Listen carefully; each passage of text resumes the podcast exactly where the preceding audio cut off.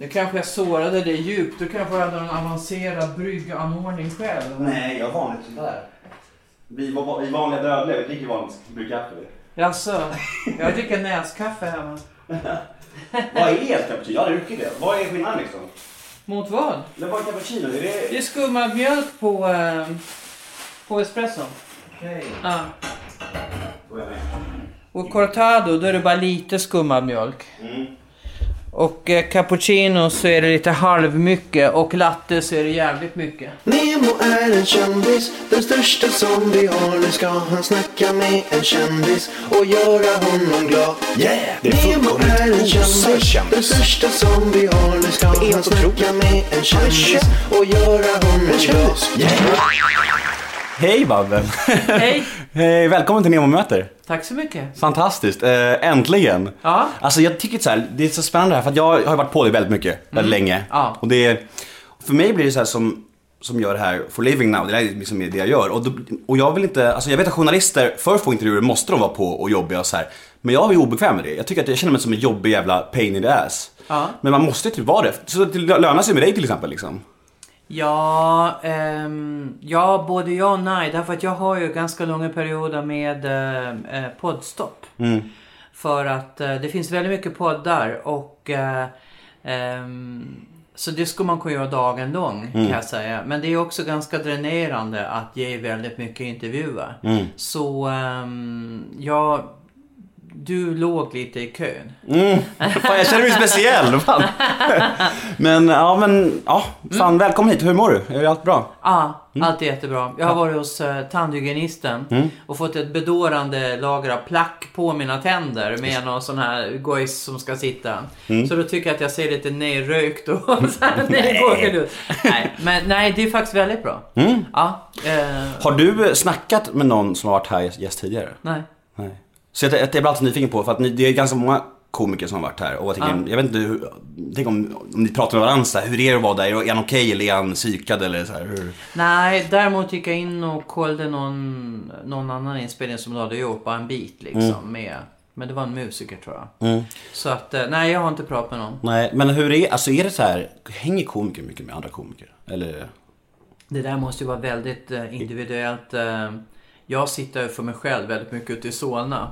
Och eh, när du inte är i innerstan och inte är nära liksom någon klubb och så, då hänger man inte så mycket utan... Du, är- du är lite som Appelqvist som är enstöring ute på landet. Ja, precis. Han är ju extremt enstörig eftersom han sitter i Sunne dessutom. Ja. Men, eh, men jag, ja, jag lever nog lite Appelqvist-liv kan man säga.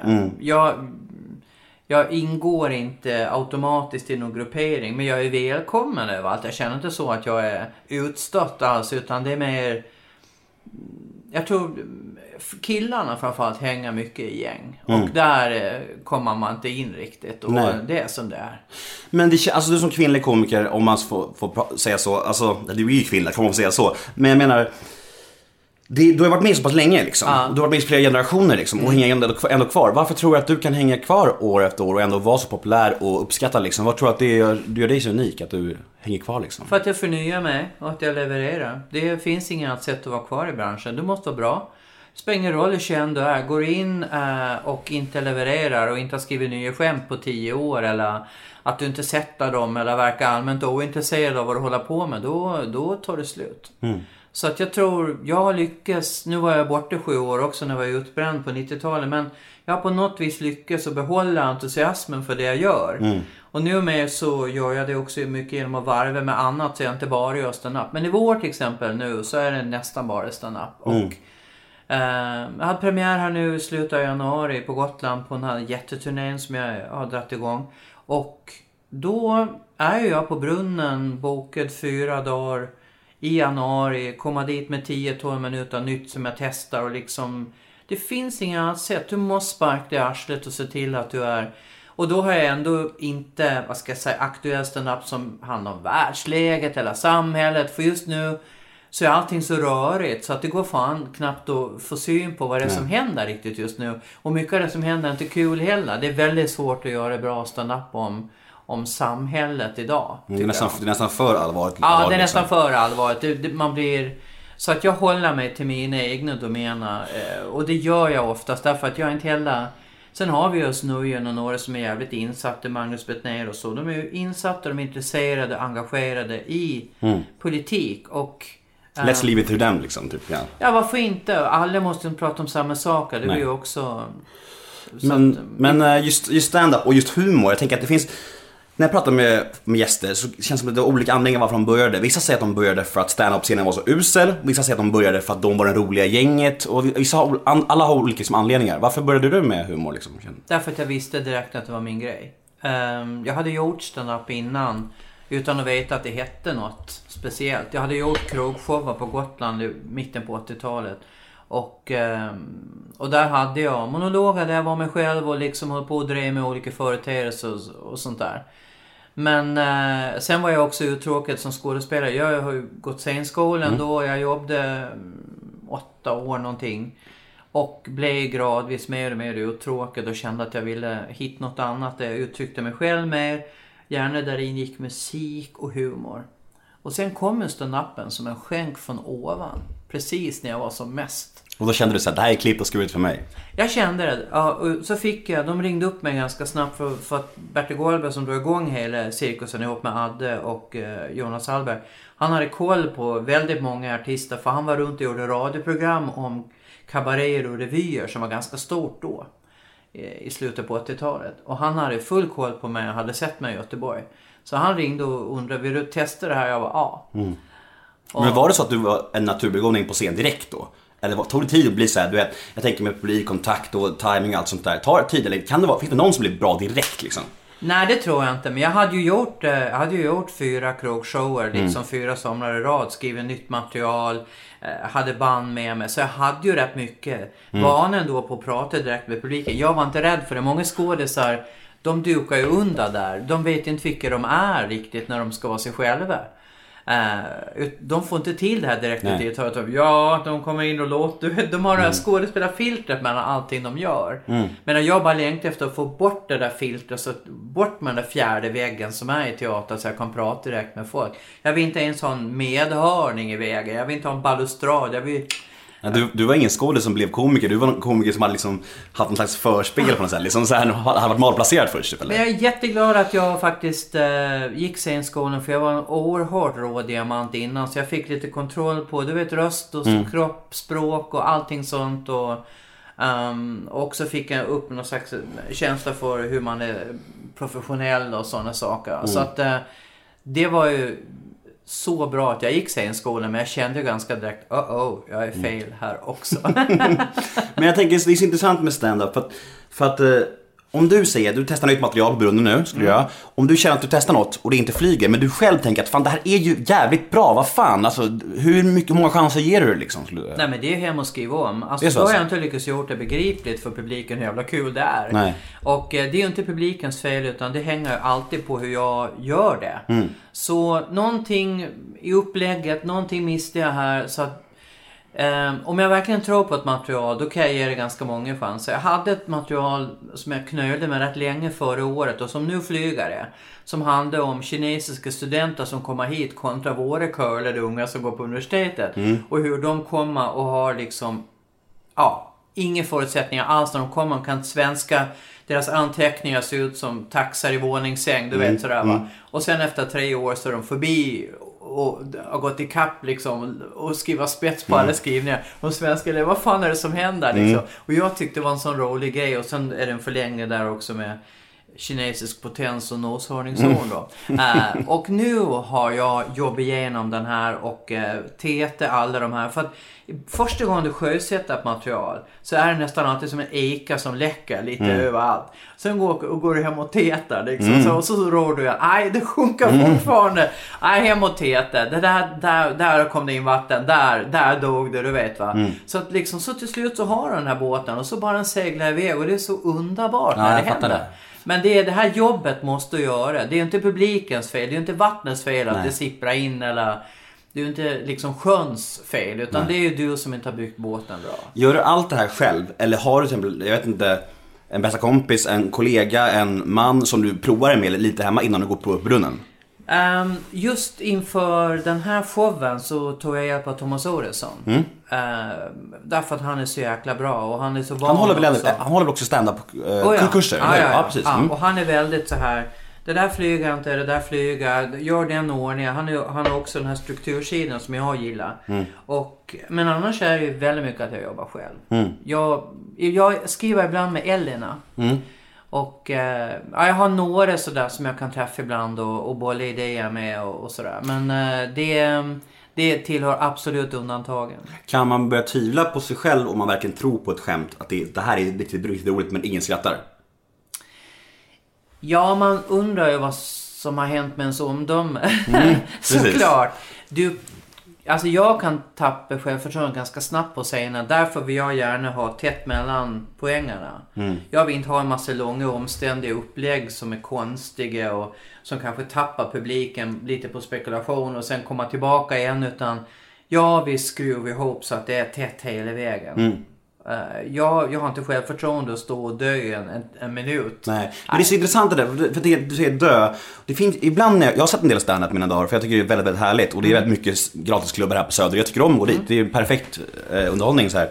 Men jag tänker att om det, vad heter, vad heter det, bombar, heter det? Ja. När det verkligen inte funkar. Nej. Kan man alltid ta sig ur en sån? Eller finns det situationer där det bombat så hårt att, du liksom, att du, inte ens du kan komma tillbaka? Eller har du något ja, ja. nödknep? Nej, alltså hela standup-grejen bygger ju på att du har ett förtroende hos publiken att du är kul. Mm. Och bombar du, då har de tappat det förtroendet. Och då ska det nästan... Ja, det ska... Vet du fan vad som ska få det att vända alltså. Då måste du ha något riktigt... Mm. Du har ingen nödskämt du kan dra så här bara? Då. Nej, det kan jag inte säga att jag har. Utan bombar du så bombar. Mm. Och då är det den publiken och du den kvällen och materialet i kombination som inte flög. Mm. Och eh, jag har ju varit med om totalbombningar på... Jag hade firma-gig och det är kanske bara tio år sedan. Vad är det sist du bombade? Tio år sedan? Ja, realbombare. Alltså, det har inte gjort så många realbombningar. Men det var en realbombning. Berätta om det. att, därför att det var en liten ledningsgrupp ifrån ett stort företag. Eh, det är bara distriktschefer som träffs och så har de en så här överkoko då, som, Mm. är, som är VD för allihop. Och han skrattar inte och då eh, är det inga, det, är- Ah, fattar. det är ju liksom underförstått. Han bestämmer att Ja, ja, ja. Han är alfahanne. Ja, jävlar. så han styr hela gruppen. Det är ingen som vågar sitta och fnittra när han inte gör det. Nej men fy fan. Så han bara satt som en stenstod och jag tänkte okej, det så här ni ska ha det? Så jag körde min timme och så gick jag bara därifrån. Mm. Men Och det rör inte dig i ryggen då eller? Ja, självklart, men Ja. jag kan inte göra någonting åt det. Du fick betalt ändå? Ja, jag fick betalt och jag kände, ja, okej, jag ska stå en timme och någon har gjort en felbedömning här. Det, jag, jag är inte alls så önskad av den Nej. här gruppen. Framförallt inte den där VDn som beställaren har trott. Men jag kommer hit, jag gör mitt absolut bästa och jag kan nästan, när jag står där, för då vet jag, det här materialet är bra, det här är uttestet, det här är mitt starkaste material just nu. Och nu ikväll så är det inte mitt fel. Och jag kan nästan bli lite road. Jag kan nästan känna så här, ja men okej, Mm. Ja. nu kör vi Babben. Nu är det en sån här grupp, nu kör vi. De kommer inte att skratta. Gör ditt allra bästa, för det är det enda du kan göra. Men man tycker att de borde ha koll på vem de bokar. Tycker Ja, man ju. ja, men det har de, men det är han. Ja. Det är han. Och han är, men han är chefen, han borde ju vara den som bokar. Det tror jag inte. Nej. Det är någon undersekreterare, alltså det är någon annan som har nöjeskontot på ett så stort företag. Vi kör lite blandade frågor, vi kör lite frågor som jag undrar, lite som jag kör med alla mina gäster och lite Mm. Ja. som lyssnare har. Okej. Så vi kör lite, mix, lite mix Får man här. veta vilka som är vad? Nej, det får du inte. okej. Så nu är det elakt att säga bara till lyssnare. Okej. Nej, det är inget elakt, självklart inte. Men det är, ja, lite mixade. Men hoppas, eh, ja. Jag tänker så här, det här med det här med humor i Sverige, vem, vem ty- har, du, har du någon idol, någon förebild i Sverige? Någon som du tycker är bäst? Någon som du alltid skrattar åt? Eh, Johan Glans. Tänker att alla säger det, det är sjukt!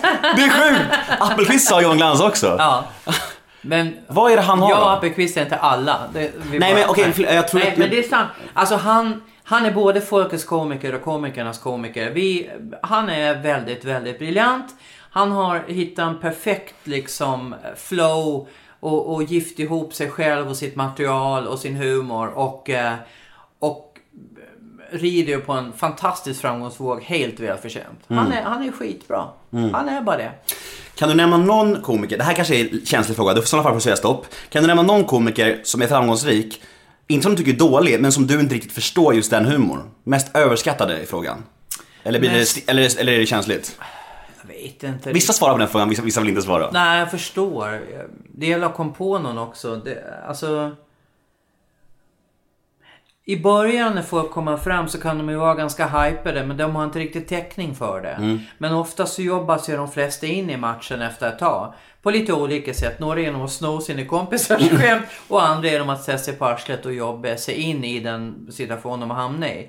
Så att jag tror många är överskattade just när de breakar. Men sen så ofta så, så kommer det ju... Eh, kom, så kommer de sig. Så hy- hypen liksom, den, den, på något sätt är den logisk ändå liksom till slut. Ja, ja. ja. ja det, är, det är intressant.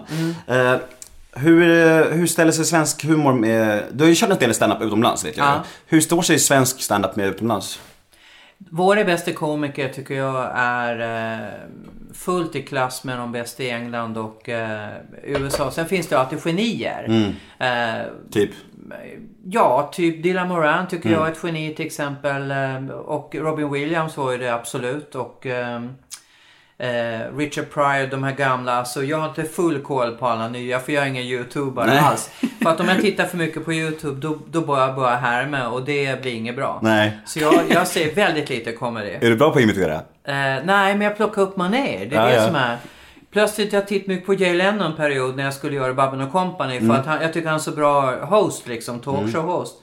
Och han har sin inledningsmonolog och det skulle jag också ha. Plötsligt börjar jag se mig själv stå, ah, så börjar jag liksom så här och nicka och stå och småprata i applåderna så här och kommentera, ah, gör inte det, skriv inte, vi, vi vet, du vet sådär. Ja. Som jag aldrig har gjort tidigare. Och du, och du vet, aha, nu har jag tittat för mycket på någon annan liksom. Ja. Så tappar jag min egen grej. Så... ehm, men um, Ereser, ja men du vet. Det, Det finns... känns, eh, det känns som att svensk, svensk stand-up de senaste åren har en enorm tillväxt. Alltså det känns som att mycket nya kommer och... Mm. Ja. Kan du nämna någon som någon favorit bland de nya? Eller har du inte för dålig koll på det? Nej, eh, jag tycker Shanti verkar väldigt lovande med sina imitationer och uh, jäkligt kul liksom. Eh, Josefinito tycker jag också har något stort på gång faktiskt. Hon har jobbat rätt länge lite också med annat eh, i bakgrunden sådär. Ehm, och också en del av de här eh, som jag har sett på Norra Brunn. Men jag, alltså du får förlåta mig. Jag, Det är har, lite, lugnt. jag har lite namnafasi. Så att eh, det är inte alltid jag kan eh, plocka fram namn sådär rätt Du, du, du kan säga någon på Norra Brunn kan du säga. Nej, det kan jag inte säga.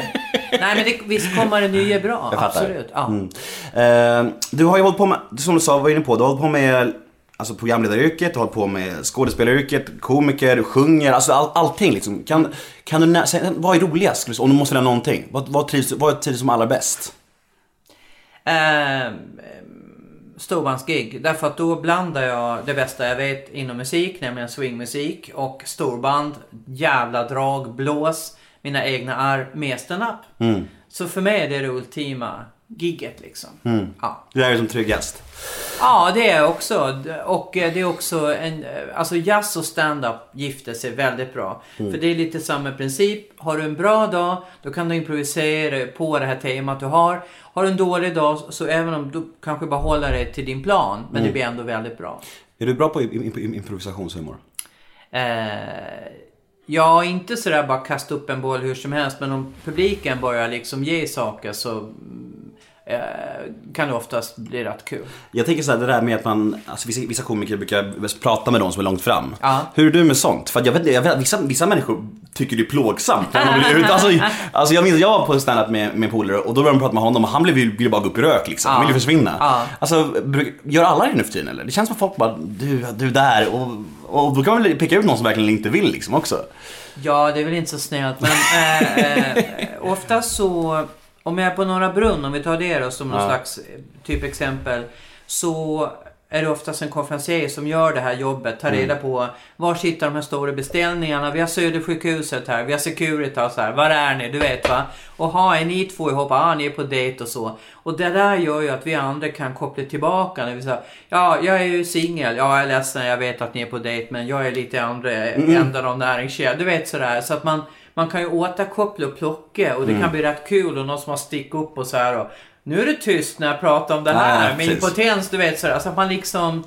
Och nu, ko- komisk effekt liksom. Ja, och nu när jag är ute på, eh, på den här turnén så, så börjar jag med att kolla varifrån alla är. Mm. Eh, Därför att den här turnén går ju ut på att jag kommer ut till helt nya ställen där jag aldrig har giggat tidigare. Hur många stopp är det? Eh, det kommer att bli 100 stopp sammanlagt Oj, över, över två år. Så Ja. jag gör de första 24 i vår. Ja, du kan berätta lite om, om den. Ja, jag ska göra det, men jag ska bara berätta först Ja, hur jag inleder. Då, ehm, då frågar jag, ah, vilka är från den här byn? Ja, då applåderar de så här. Mm. Okej, vilka har åkt ungefär en mil? Ja, då applåderar jag. Okej, varifrån kommer ni? Okej, finns det? Jaha, okej, vad kul. Jaha, ja men där åkte jag förbi, då såg jag den där skylten, du vet så. För man Mm. har ju så. Ja, vi, och så frågar jag till slut då, och vem tror att de har åkt längst? Och då är det någon som applåderar och så får de tävla Mm. då. Och så är det någon som vinner, du vet. Men sen har ju jag lite koll då geografiskt på och kanske har plockat lite också. Ja, ni var ju från Tranås och, och så äh, har ni pälsar med. Man gör något sån där Ja, bara som visar att man vet i Tranås är det mycket pälsar. Jag vet liksom, där håller den industrin till. Men själva eh, projektet, ska jag berätta om det? Ja, kör. Så här var det. Jag turnerade i 27 år och upptäckte mer och mer att jag hamnade i samma lokaler och åkte samma slingor runt Sverige hela tiden. Det är vissa teatrar, vissa kulturhus, vissa liksom Folkets hus så här. Ehm, och, ehm, och så skulle jag in med min förra stora föreställning, den här, där jag åkte runt med tio man och musiker och allting. På Växjö konserthus fanns det inte en enda ledig dag. Nej. Och då var alla mina kollegor var där. eh, alla föreläsare, musikakter. Så tänkte jag, det är något sjukt med det här att alla åker samma trad. För det finns säkert Folkets hus som tar in 500 pers bara några mil utanför Växjö. Där ingen jäkel är och giggar liksom. Och där någonstans så formades det här beslutet. Jag ska göra en turné med bara sådana ställen. Där jag aldrig har varit tidigare själv. Och ehm, Eh, där det, och så ska jag försöka jaga rätt på lokaler som är tillräckligt stora för att få en turné att gå runt liksom. Och, ehm, och sen har jag en karta hemma där jag satt nålar överallt jag har varit hittills. Så jag tänkte nu ska jag in 100 nya nålar. Fyra nya ställen i varje landskap. 25 landskap i Sverige. Så ett jätteprojekt. Som heter Expedition Babben då. och hade premiär på Fårö, mycket passande. Där jag aldrig har giggat eh, för två veckor sedan. Och sen kommer jag åka runt nu så att jag har, jag har Hälsingland här som väntar om några veckor. Sen Uppland, Västergötland, nej förlåt Västmanland. Och sen ska jag till Halland i vår. Och sen så ska jag sätta ihop en ny turné till hösten med sex nya landskap och fyra nya ställen. Liksom. Handlar showen om det här projektet? Eller är det en, ganska, Nej. en stand-up show? Liksom? Ganska... Eh, jag berör det och jag tar upp också lokala skämt och sen ibland behåller jag lokala skämt. På Fårö händer det här, du vet. Så att det också binder ihop ortarna med varann lite grann.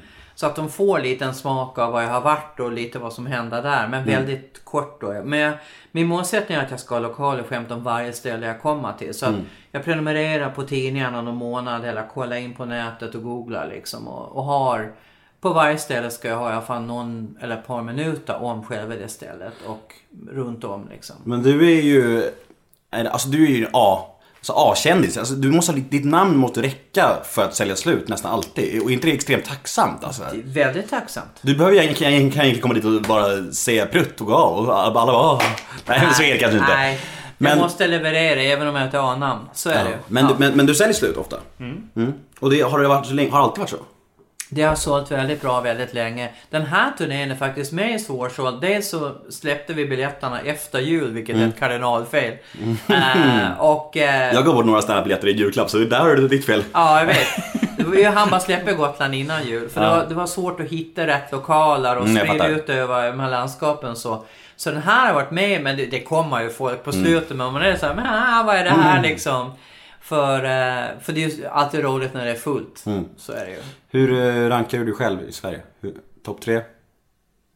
Mm, Topp fem tror jag i alla Topp fall. fem? Ja, det tror jag. Mm. Det är la, lagom god Ja. självbild. Ja. Definitivt topp 10, det Mm. tycker jag. Eh, sen har inte jag den överblicken riktigt. Det finns väldigt mycket bra komiker. Men kan man eh, skratta åt sig själv? Kan du sitta lite skämt bara shit det här är ju så jävla kul. Sitter du och garvar åt dig själv eller? Det händer inte jätteofta. Men om du gör det då vet jag det här tycker jag är riktigt, riktigt kul. Oftast är det de här riktigt grymma elaka skämtarna Mm. som är precis på gränsen. Alltså det är ju det är, ju det trö- det är den tröttaste frågan man kan fråga. Får man skämta om allt? Men tycker du man får skämta om allt? Ja, det tycker jag man får. Men eh, då ska man också vara medveten om att det är alltid publiken som bestämmer om det är kul eller inte. Mm. Så att om du ger dig in på ett ämne där publiken inte alls tycker att det här är eh, dags eller att det här ämnet är inte roligt. så kommer de och berättar det för dig. Mm.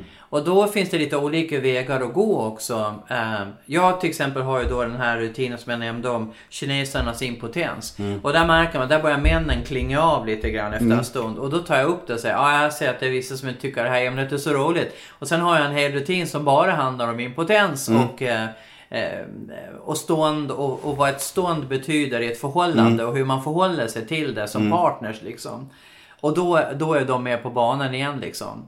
Och det är samma så har jag märkt att eh, det finns vissa ord där folk bara is, de blir iskalla. Klimakterie är ett sånt ord till exempel. Det är sådär det är som att det är någon slags förruttnelseprocess som kvinnor går igenom och sen så, så är de untouchable. Så därför har jag börjat kalla det för plus 55 istället och det funkar mycket bättre.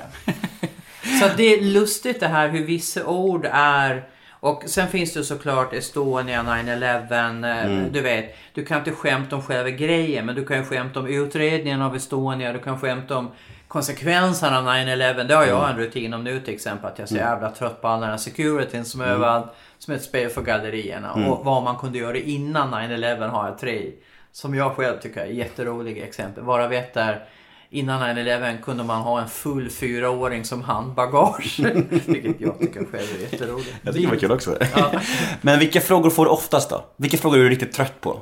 Så jag får, så jag får stryka dem. Uh, vad är det för skillnad på att vara kvinnlig komiker jämfört med manlig komiker? För how the fuck would I know? Ja, verkligen. Jag har aldrig varit en manlig komiker. Nej. Nej. Har du känt av sån här, sån här sexism? Du kanske, du kanske, du kanske är för eh, liksom rutinerad och för...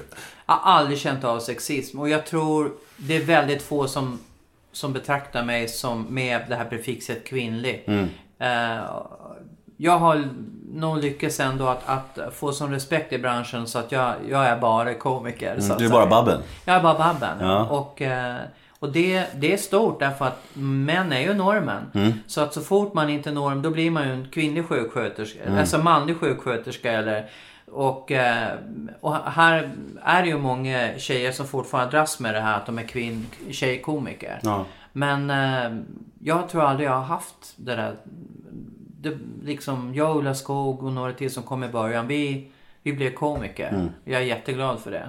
På, på, på tal om Ulla Skog, jag tycker hon är så jävla rolig. Ja, hon är Va- va- skitrolig. Varför gör inte hon typ stand-up på Norra Brunn någon gång då och då liksom? Eller? Nej, hon jobbar inte i Örneklubbar utan hon är mycket ute med egna föreställningar och med en musiker som hon samarbetar med och sådär. Och sen ligger hon lågt i åratal. Mm. Ulla vet man aldrig riktigt vad man har. Är ni polare? Ja. Ja. Men eh, vara polare med Ull- Ulla in, det innebär att man ses vartannat år ungefär. Nej, jag fattar. Hon är extremt introvert och... Eh, Speciell? mm, ja, det är hon. Och det är vi ju allihop. Ja. Men sen just nu är hon i en familjesituation också. Hon har åldrade Mm. föräldrar och liksom ägnar ganska mycket tid åt det. Då. Jag fattar. Så att... Eh, men hon, hon är extremt rolig. Ja, verkligen. Jag tycker jävligt hon är bra. skitrolig. Men hon är nog inte lätt att få till en sån här podcast. Nej, det var det var min, eh, min mamma önskar henne. Min mamma, Det är min mammas favorit. Och på tal om min mamma, hon är ungefär i din ålder och hon har också haft mycket sömnproblem. Så hon ville att jag skulle fråga dig om hur sover, sover du nu för tiden? Ja, absolut. Det där var en period bara när jag eh, var tvungen att pendla till Uppsala varje dag. Och inte kom i säng därför jag hatar att gå och lägga mig, det är det värsta jag vet. Så jag går sällan i säng före två, tre på, på nätterna. Och så ska man upp igen sju och så var jag i Uppsala liksom på plats. Och hinna pendla dit. Och där var jag ingen bra bilförare ett tag kan jag säga. Hur, men du sover normalt om tiden. Hur mycket sover du per natt ungefär? Ehm, en bra natt sover jag sju, sju och en halv timme. Mm. Oftast blir det kanske lite mindre därför att jag måste upp. Och jag har gått och lagt mig för sent. Ja. Men sen kan jag sova ikapp. Det säger de att man inte kan, men det är bullshit. Ja, jag... kan man inte det? Oh, för fan. Jag kan sova ikapp 10-11 timmar om jag har en ledig dag. Ja. Du hör mamma, Babben sover, men inte oroa dig. Nej, nej, nej. Jag sover. Det är lugnt. Perfekt. Eh, Du fyller 60 i år. Ja, Hur eh, känns det? det känns inte... Tänker du på det? Jo, det gör jag. Därför att jag tror så fort man närmar sig de här jämna födelsedagarna så stannar man upp lite och tänker okej, nu är jag 60. vad är- Men så inser man att livet rullar ju på ändå. Det är ju inte så att, att allting stannar upp och, och att det blir Bara för att man själv gör det så stannar Nej. inte livet upp. Nej. Utan eh, har jag överlevt 30, 40 och 50 så är min gissning att jag även överlever den här, eh, den här födelsedagen. Blir det fest? Jag vet inte ännu. Jag fyller i oktober. Jag har inte bestämt. Nej. Jag hade stor fest när jag fyllde 50. Det var skitkul. Samlade massor folk på Nalen och, och hade med band och... Ah, jätteroligt. Så Men du har att, inte eh, åldersnoja och sånt där så här? Nej. Inte, inte för åldern utan mer för att kroppen ska hålla. Du vet, jag Mm. slitit ganska hårt på min kropp. Jag har varit tung i många år. Jag måste träna ganska mycket. Jag har ett knä som måste bytas så småningom och lite sånt där. Men eh, jag känner att huvudet är fortfarande väldigt piggt och fräscht. Liksom, eh, jag, jag är fortfarande komma på liksom, nya grejer i jobbet, nya projekt jag vill göra, resor jag vill göra, du vet sådär. Byta ut knät? Ja, jag måste swappa det. det är, vadå, hur, hur? Nej men jag har haft artros i tio år. Det är en folksjukdom så det är inte bara jag. Jag blir nyfiken för jag, jag, jag hade sönder korsbandet här för några veckor sedan. Så Ja. jag, blir nyfiken på det du sa knä. Men då byter, man, vad byter man ut i den då? Ehm, zing zing, man såg av det, lyfter ut hela knäleden och får en som är fräsch. Därför att mitt knä går ben mot ben och så är menisken borta. Mm. Därför att det är helt, allt, allt brosk är borta. Eh, och det är det som artrosen äter upp liksom allt mellan lull-lull mellan Mm. benen. Så på sikt så måste jag byta det, kanske inom ett år. Fy fan. Mm. Ja. Men eh, på tal om fest, vad har du för förhållande till alkohol? Att bra förhållande till alkohol, jag dricker det aldrig. Aldrig? Aldrig. Helnykterist? Nej, alltså jag kan dricka något glas champagne om det är något väldigt speciellt. Men jag har aldrig alkohol hemma och jag dricker inte. Är det mycket fylla och stök i standup-världen? Nej, jag vet inte. Det är ju några som dricker ganska tappert. Men jag kan inte säga att det är generellt, nej. Nej. Alltså, när man går på kan man inte vara onykter. Det är ju det enda vapen du har. Det är ju, förutom mikrofonen, det är ju att du själv liksom är Skarp. klar i Ja, tanken. precis. så att det är ju jävligt dumt att gå på och vara onykter. Det är verkligen, jag tycker är otjänst. Jag har sett några exempel, men de är inte ens kvar i branschen, som har Nej. gått på riktigt eh, packade. Och man tappar helt omdömet och man kan inte bolla med publiken. Och, men ehm, jag har drickit i mina dagar, absolut. Jag har haft perioder när jag liksom... Men det var också när jag började med stand-up så upptäckte jag att eh, plötsligt satt jag hemma i min lägenhet i Gävle en ledig dag och tänkte fan vad gott det skulle vara med en öl och direkt ringer en varningsklocka. Men nu, nu ska vi rekapitulera lite. Vad fan är det som händer? Du har aldrig suttit hemma och varit sugen på en öl. Okej, nu har du gigget fyra dagar i veckan här ett bra tag. Varje gång har du firat med en öl. Eller tröstar dig med en öl för att det gick bra eller dåligt. Det var precis i början. Och sen kommer du hem till Gävle och då går du ut med dina kompisar på helgen för det är det man gör. Och så tar man en öl. Det är så här det börjar. Det sätter vi bara streck i debatt. Och så liksom bara ströper den kranen direkt helt innan. För att jag är ju redan sockerberoende. Och då är det jävligt lätt att trilla dit på alkohol också. Och det kändes väldigt onödigt.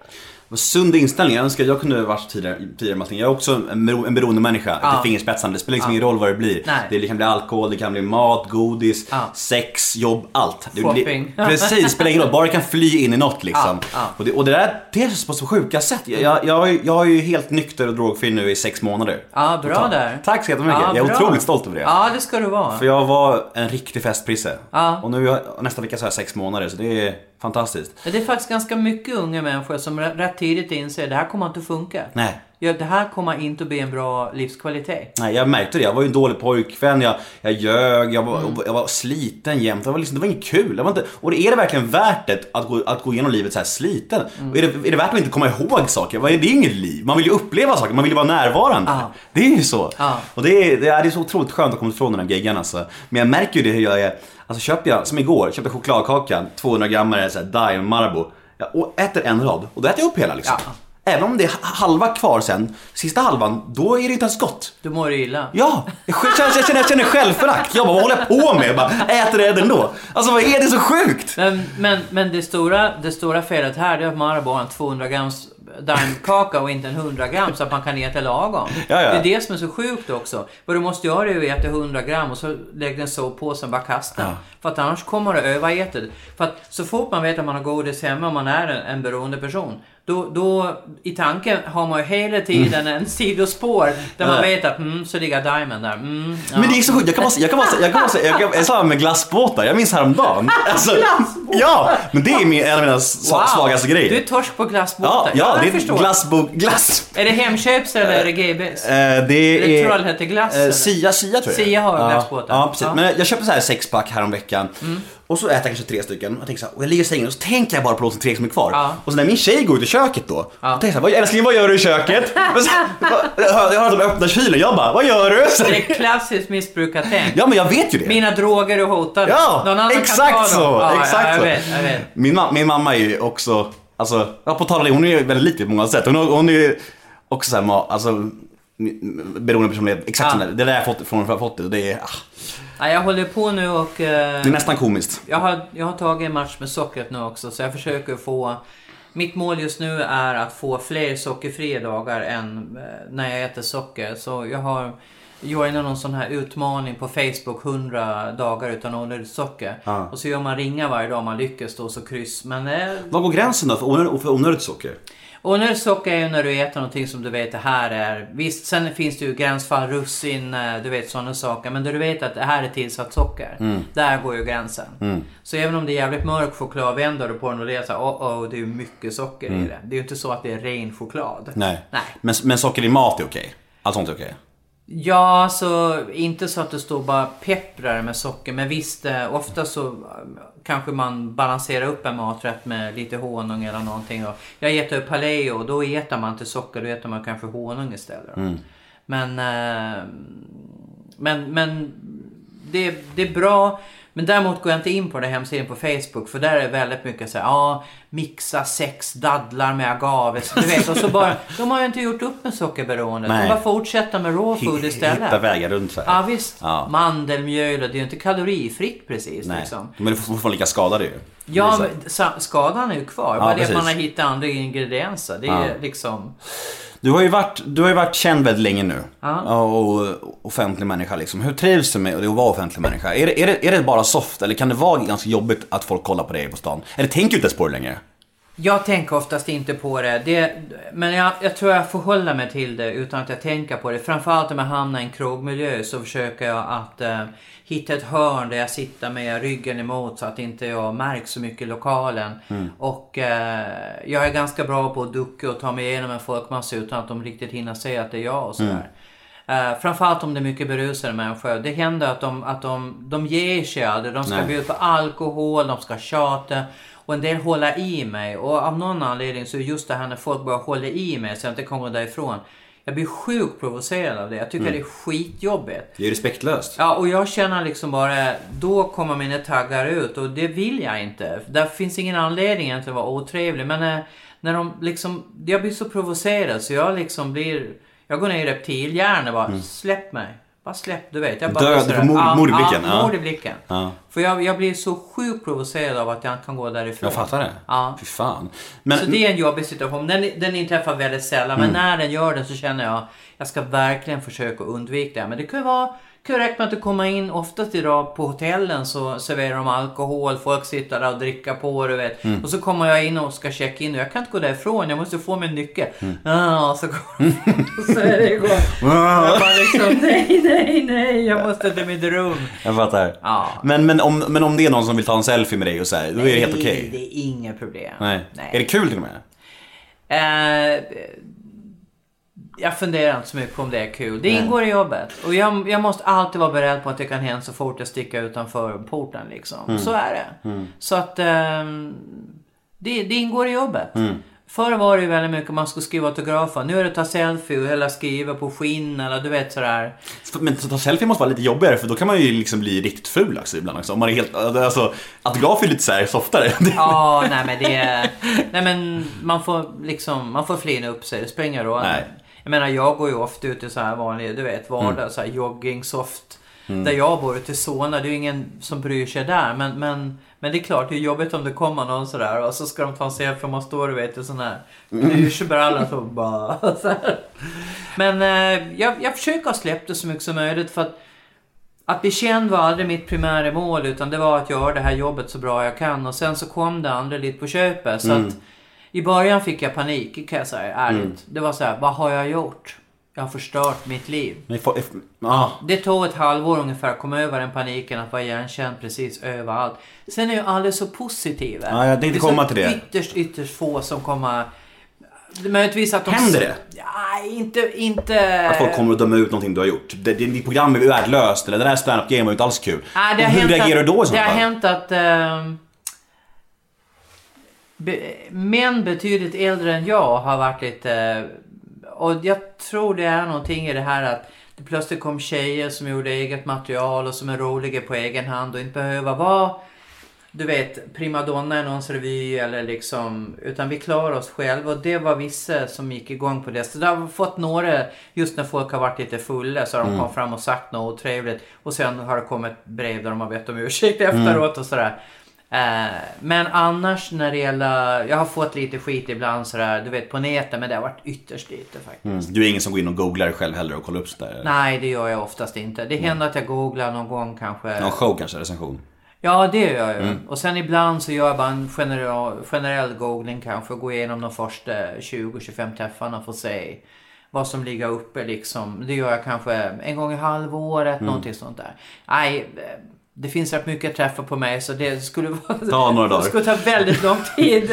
Jag kommer inte ihåg hur många träffar det är men det är bra många alltså. Jag kan tänka mig det. Eh, Men annars då, är du lycklig skulle du säga? Jag tycker jag blir lyckligare och lyckligare faktiskt. Du är som, som ett bra vin, du bara åldras med... Ja, jag tror det. För att det försvinner så mycket bullshit på vägen när man blir äldre. Man skiter i mer saker. Man ser det där var inget viktigt och det där, vad fan vad håller jag på med det där för? Och, och man blir bättre på att säga ifrån också. Idag kan jag sitta på ett möte med någon som är skitjobbig och försöka köra över mig och säga, men nu räcker det. Jag kan inte sitta och bli dränerad av dig. Du lyssnar inte. Antingen så börjar vi kommunicera eller också går jag härifrån. Och det ska jag aldrig ha sagt ens för tio år sedan. Nej. Men idag så är det bara, nej men jag sätter bara ner foten. Är det för att du är tryggare i dig själv? Jag är trygg och så känner jag, vad fan ska jag sitta här och liksom... Slösa tid på det här? Nej. Ja. Nej men människor som inte kommunicerar med mig. Jag fattar. Det, det finns ingen anledning. Vad skönt det låter. Ja, jätteskönt. Att vara så? Ja. ja. Alltså det, jag tror att det verkligen har någonting med ålder att göra. För att just ma- min, återigen, min mamma brukar säga att mellan 20... Mamma. Min mamma... Jag är mammas pojke. Vad heter hon? Klarin. Karin? Ja. Med sig? Nej, med K. Mm. Fast, eh, hon, är, hon är härlig. Hon, hon brukar säga att de jobbigaste åren var mellan 20 och 30. Då har hon så mycket ångest. Och sen blir det mer med att man liksom bara... Som du säger, man, man, man tar inte mer skit. Man, man, man bara är. Man, Mm. man, man, man, tar bort, filtrerar bort det dåliga. Man Ja. slösar inte tid på det dåliga och så här, liksom. Man blir Man mer... får skinn på näsan. Ja. ja Så det, så det. så det finns alltså något positivt med att åldras? Mycket. Ja, vad Absolut. skönt. Ja. Det ger hopp. Ja. Fan. Man lägger mindre och mindre tid på bullshit. Man genomskådar sitt eget förhållande eh, fortare. Man gör slut fortare. Nej, det här partnern, du vet. Man säger nej. Sen är jag fortfarande lite, lite för långsam där. Men, eh, men, men just det här att när du säger nej men det här går inte. Lägg ner det här. du- Waste of time. Ja, det låter bra. Är du fortfarande sambo? Nej. Nej? Nej, nej, nej. Sambo har jag inte varit sedan jag skilde mig 2007. Ja, det så jag har haft en särbo. Ja, men det är menar. Ja, nej, vi är inte särbos längre. Är det privat? Nej, det, jag tycker inte det är privat. Det, det, det är bara så. Det Mm. tog slut för ett år sedan. Eh, är du singel nu? Jag är singel. Är du ready to mingle? Nej, men är du, yeah. alltså, är du på, alltså, försöker du träffa någon eller är det bara som det är liksom? Eller? Det är inte så jävla lätt när du är i min situation. Nej, jag kan tänka mig det. För att det är en grej om du är singel och man och känd och 60. Mm. Lite skillnad när du är kvinna och känd och singel. Men saknar 60. du kärleken? Ja, jag saknar det här som eh, jag tycker jag hade väldigt jättebra med min särbo. Och Det var det här när man, eh, för vi hann inte träffas så mycket, vi jobbade ganska mycket bägge två. Men det här att man ringer varje kväll och stämmer av lite. Hur har du haft det idag? Ja, okej. Man lyssnar på varandra, man ger feedback, man, man stöttar och man, man säger några kärleksfulla ord. Och det saknar jag jättemycket. Det är jättefint att ha Ja, det som är, det är toppen att känna. Nu har jag min dotter, men hon har ju flyttat iväg nu också. Så Mm. att nu är det sjukt tomt här ett tag. Men jag... Jag kan ringa dig liksom- Babben. Jag Ja. kan ringa dig. Men jag känner samtidigt att det här är ju också en möjlighet såklart. Därför Mm. att jag har ju längtat efter att hon ska flytta hemifrån. Hon var ju 24, ut med henne. Mm. Och hon har flyttat ihop med sin kille och allting, allt det är ju sunt liksom. Och hon ringer fortfarande och behöver mig också så det är inte så. Men, men att jag eh, samtidigt nu, jag har så jäkla mycket bra, ganska nära vänner faktiskt. Som jag har, eh, inte hinner med så bra under den här karriärsperioden. Så att varför inte hålla på och ta tag i dem och så det här börjar jag göra mycket mer. Att jag ser till att träffa folk. Vi kanske gör någonting en halv dag till och med. Eller somras bjuda ut några till mitt ställe utanför Enköping och vi bara satt ner och käkte och liksom bara pratade på riktigt liksom. Som vi inte hade hinner med på kanske 5-10 år. Nej. Jättekul. Fint. Mm. Men din dotter, kan hon få dåligt samvete för att hon känner att mamma är lite ensam? Det tror jag inte. Nej. Nej. Hon vet att jag klarar mig. Ja. Jag Hur, menar, är, hur är du som morsa? ja, hon säger att jag... Eh, Överbeskyddande? Nej, det är absolut inte. Jag vill ju att hon ska bli tuff och klara sig själv. Mm. Så jag har, jag har Curly i vissa avseenden men inte när det gäller när hon har problem. Visst, det är lätt att försöka lösa dem åt henne. Men, men just när hon har mått dåligt eller haft motgångar så har jag liksom sagt så här är det. Så här ser livet ut.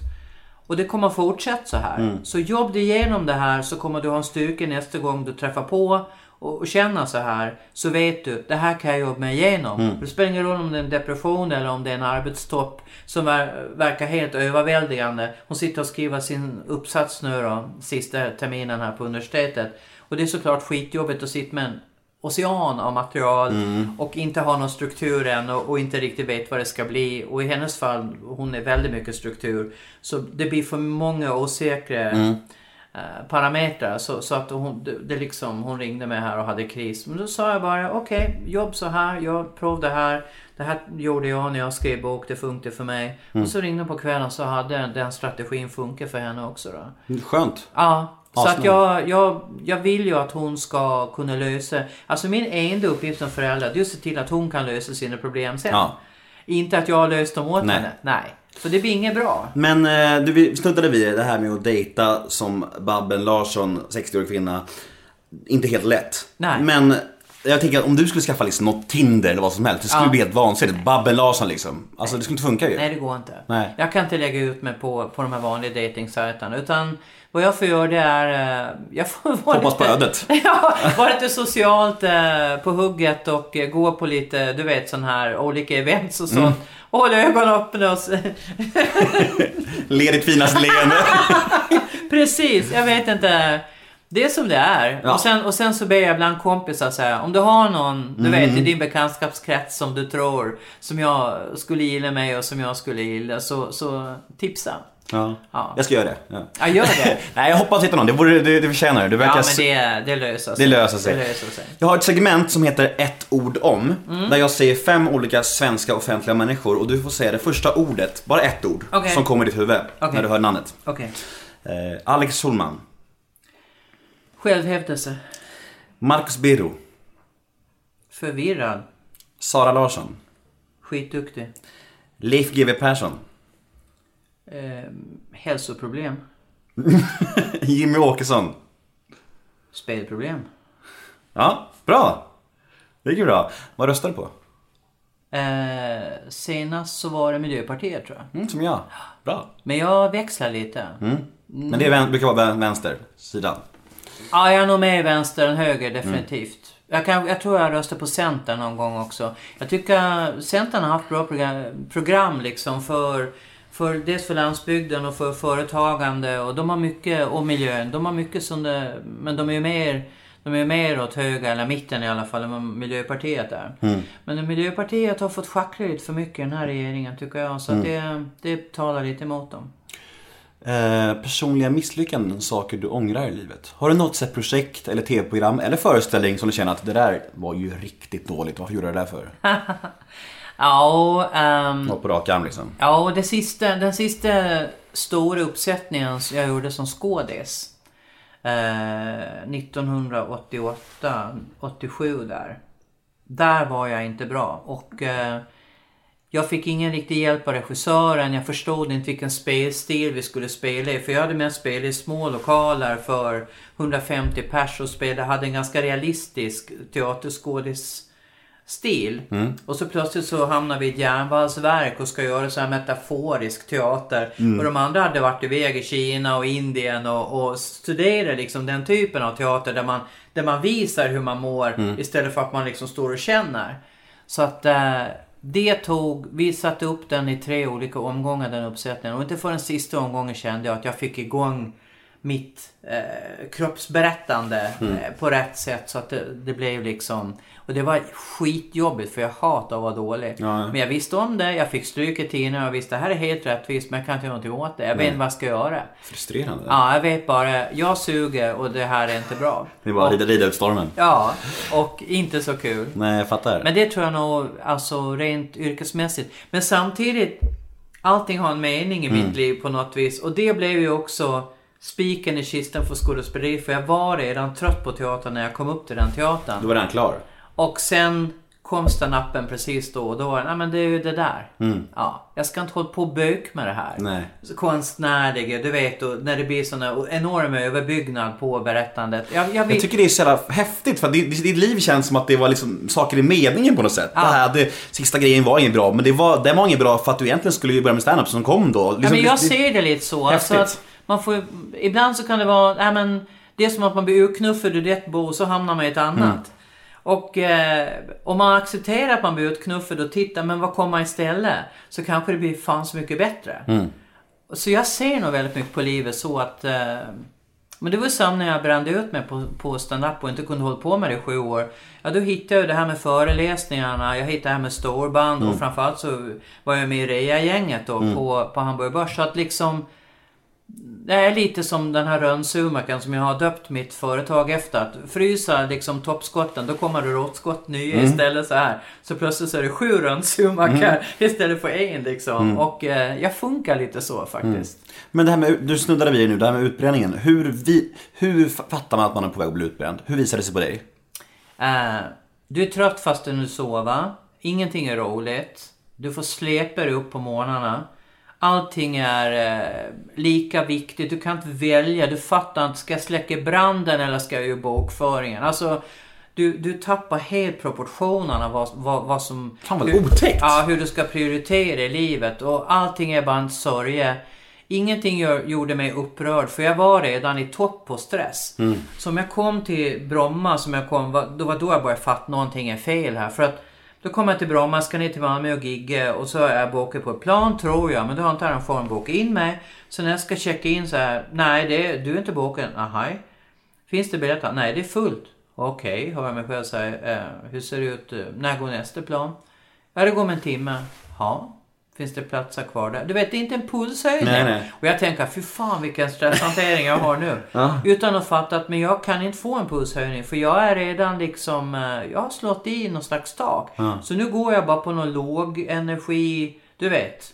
Jag har, jag, har ingen, jag har ingen energi. Vad händer? Alltså jag tänker hur kommer du, medicinerar man eller är det bara sängliggande i några månader? Eller hur, hur kommer man tillbaka från Det sånt? beror helt på hur du är utbränd för att eh, min analys efteråt är att du kan vara det på ganska många plan. Dels kan du ha hjärnstress och det är just när du inte kan välja vad som är viktigast. Du sitter och sorterar papper en hel dag utan att fatta hur fan du ska få ihop det liksom. Nu ska jag ordna upp mitt skrivbord men du bara sitter och vänder på papper och skapar högar så bryter du upp dem igen. Det låter så jävla otäckt Ja men alltså. då måste du, då måste du liksom köra... Demens typ. Ja, men då är det ju meditation, det är liksom skogspromenad, det är gå ner i, i liksom djup avslappning och då klarnar hjärnan upp igen. Så då är hjärnan som överhettad.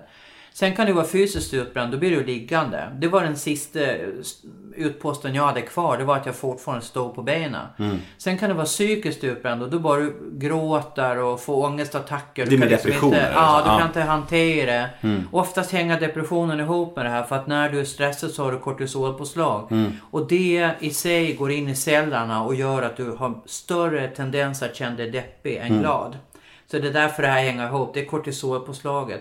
För att kortisol får man normalt bara en dusch av på morgonen när man går upp för att man ska komma igång. Men när du är utbränd så duschar det hela dagarna och det kan inte kroppen bryta ner och så går det in på cellerna och så blir du deppig istället. Shit. Och sen så kan du också, tror jag, vara utbränd mentalt. Eh, alltså att, eh, och, eh, och även, alltså själsligt eh, skulle jag vilja säga att man kan vara utbränd. Och, och varför inte andligt. Ja.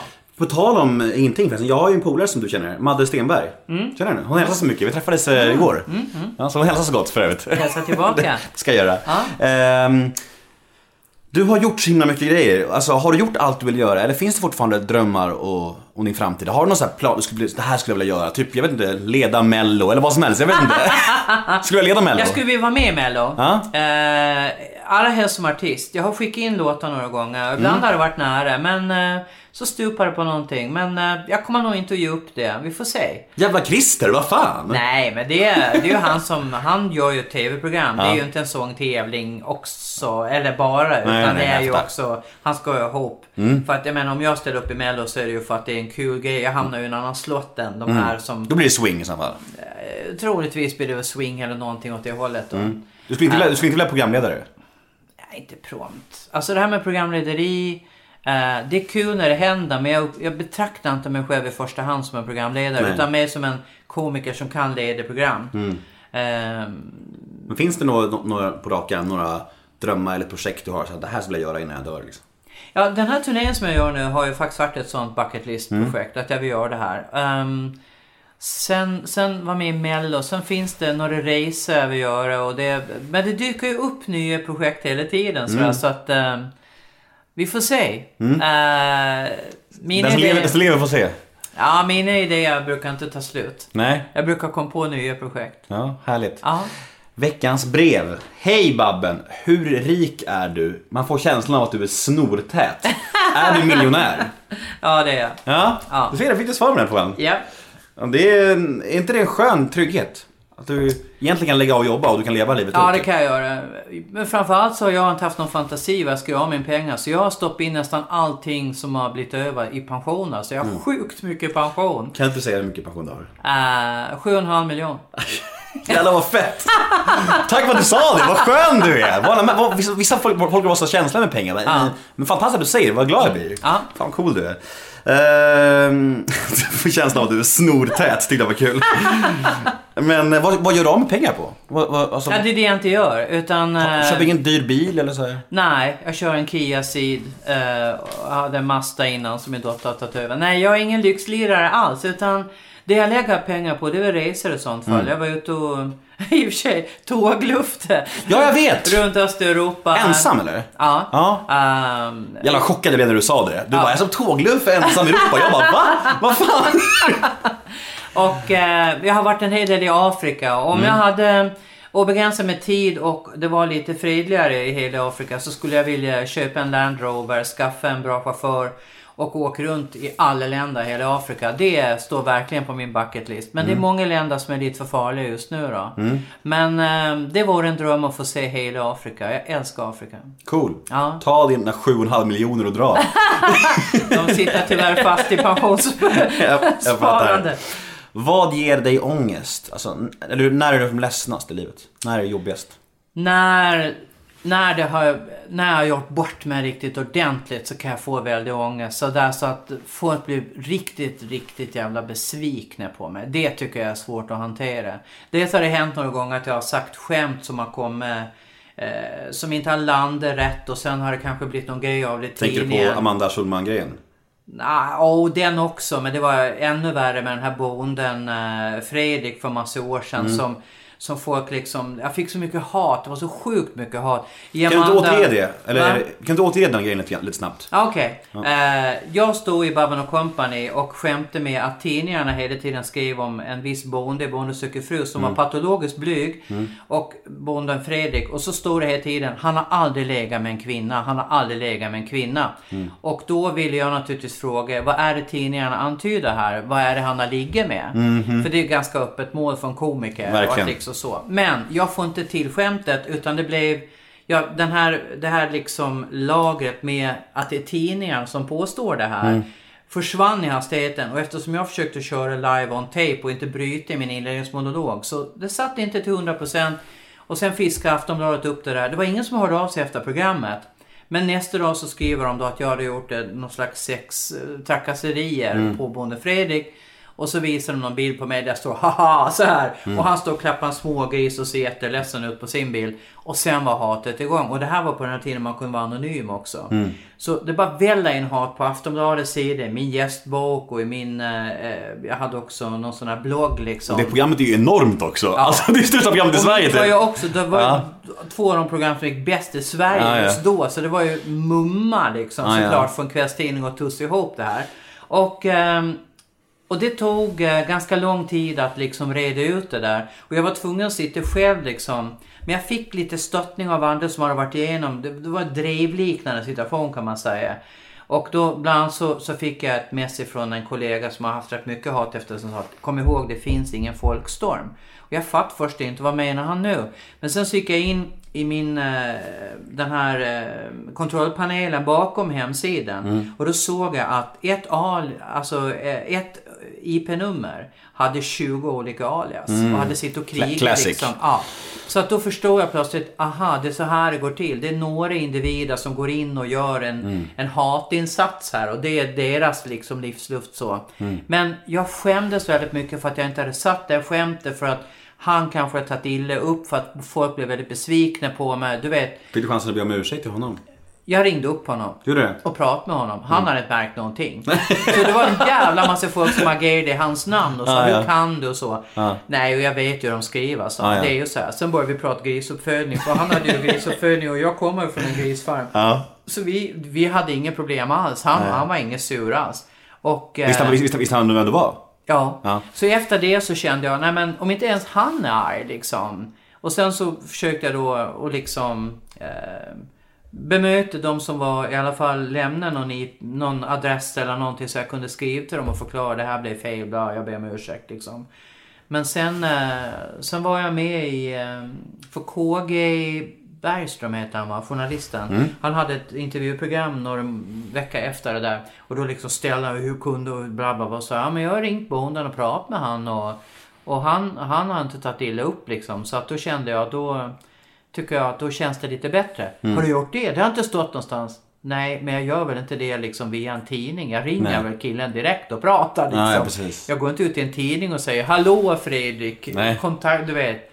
Det är så konstigt att media tror att allting som har hamnat i media sen måste lösas via media Ja, ja, också. visst, visst. Men jag tänkte, jag, ring, jag fick fatt på hans telefonnummer och ringde upp honom helt enkelt. Bra.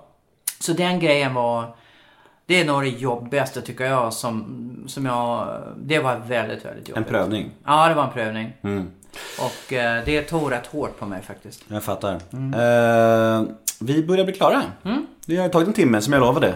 Ja, Vad trevligt det var. tack så mycket. Verkligen superhärligt. Eh, jag tycker att alla lyssnare ska in och köpa biljetter till din föreställning. Hej, hej! Ja, absolut. Fan. När kommer du till Stockholm? Så jag vet. Ah, det vet jag inte därför att Stockholm ehm, ligger ju i flera landskap. Så att um, Uppland kör jag ju nu. Så Vil- och vilken lokal har du tänkt i Stockholm? ja, det, alltså jag har ju varit i väldigt många lokaler inne i själva Stockholm. Så att den närmaste det är väl egentligen Båglösa utanför Enköping eller Knutby. Men båda de är utsålda så att man får ta sig lite längre. Jag fattar. Gimo kanske norr om Tierp kan vara en lämplig utflykt. Eller varför inte, vi ska säga eh, Söderfors fast det ligger väldigt långt norrut. Vi får se när Sörmland kommer på, eh, på turnén så kanske jag ska försöka hitta någon lokal närmare Stockholm. Det låter bra. Ja. Om man vill nå Babben Larsson på sociala medier, vad heter du på Instagram och Twitter? Eh, på Insta heter jag The Real Babben och på Twitter så heter jag Babben Larsson. Jag heter Nemo Hedén på Twitter och Instagram. Hashtaggen är NEMOMÖTER. In och gilla oss på Facebook. Och eh, jag tackar Babben Larsson för en trevlig stund. Tack detsamma.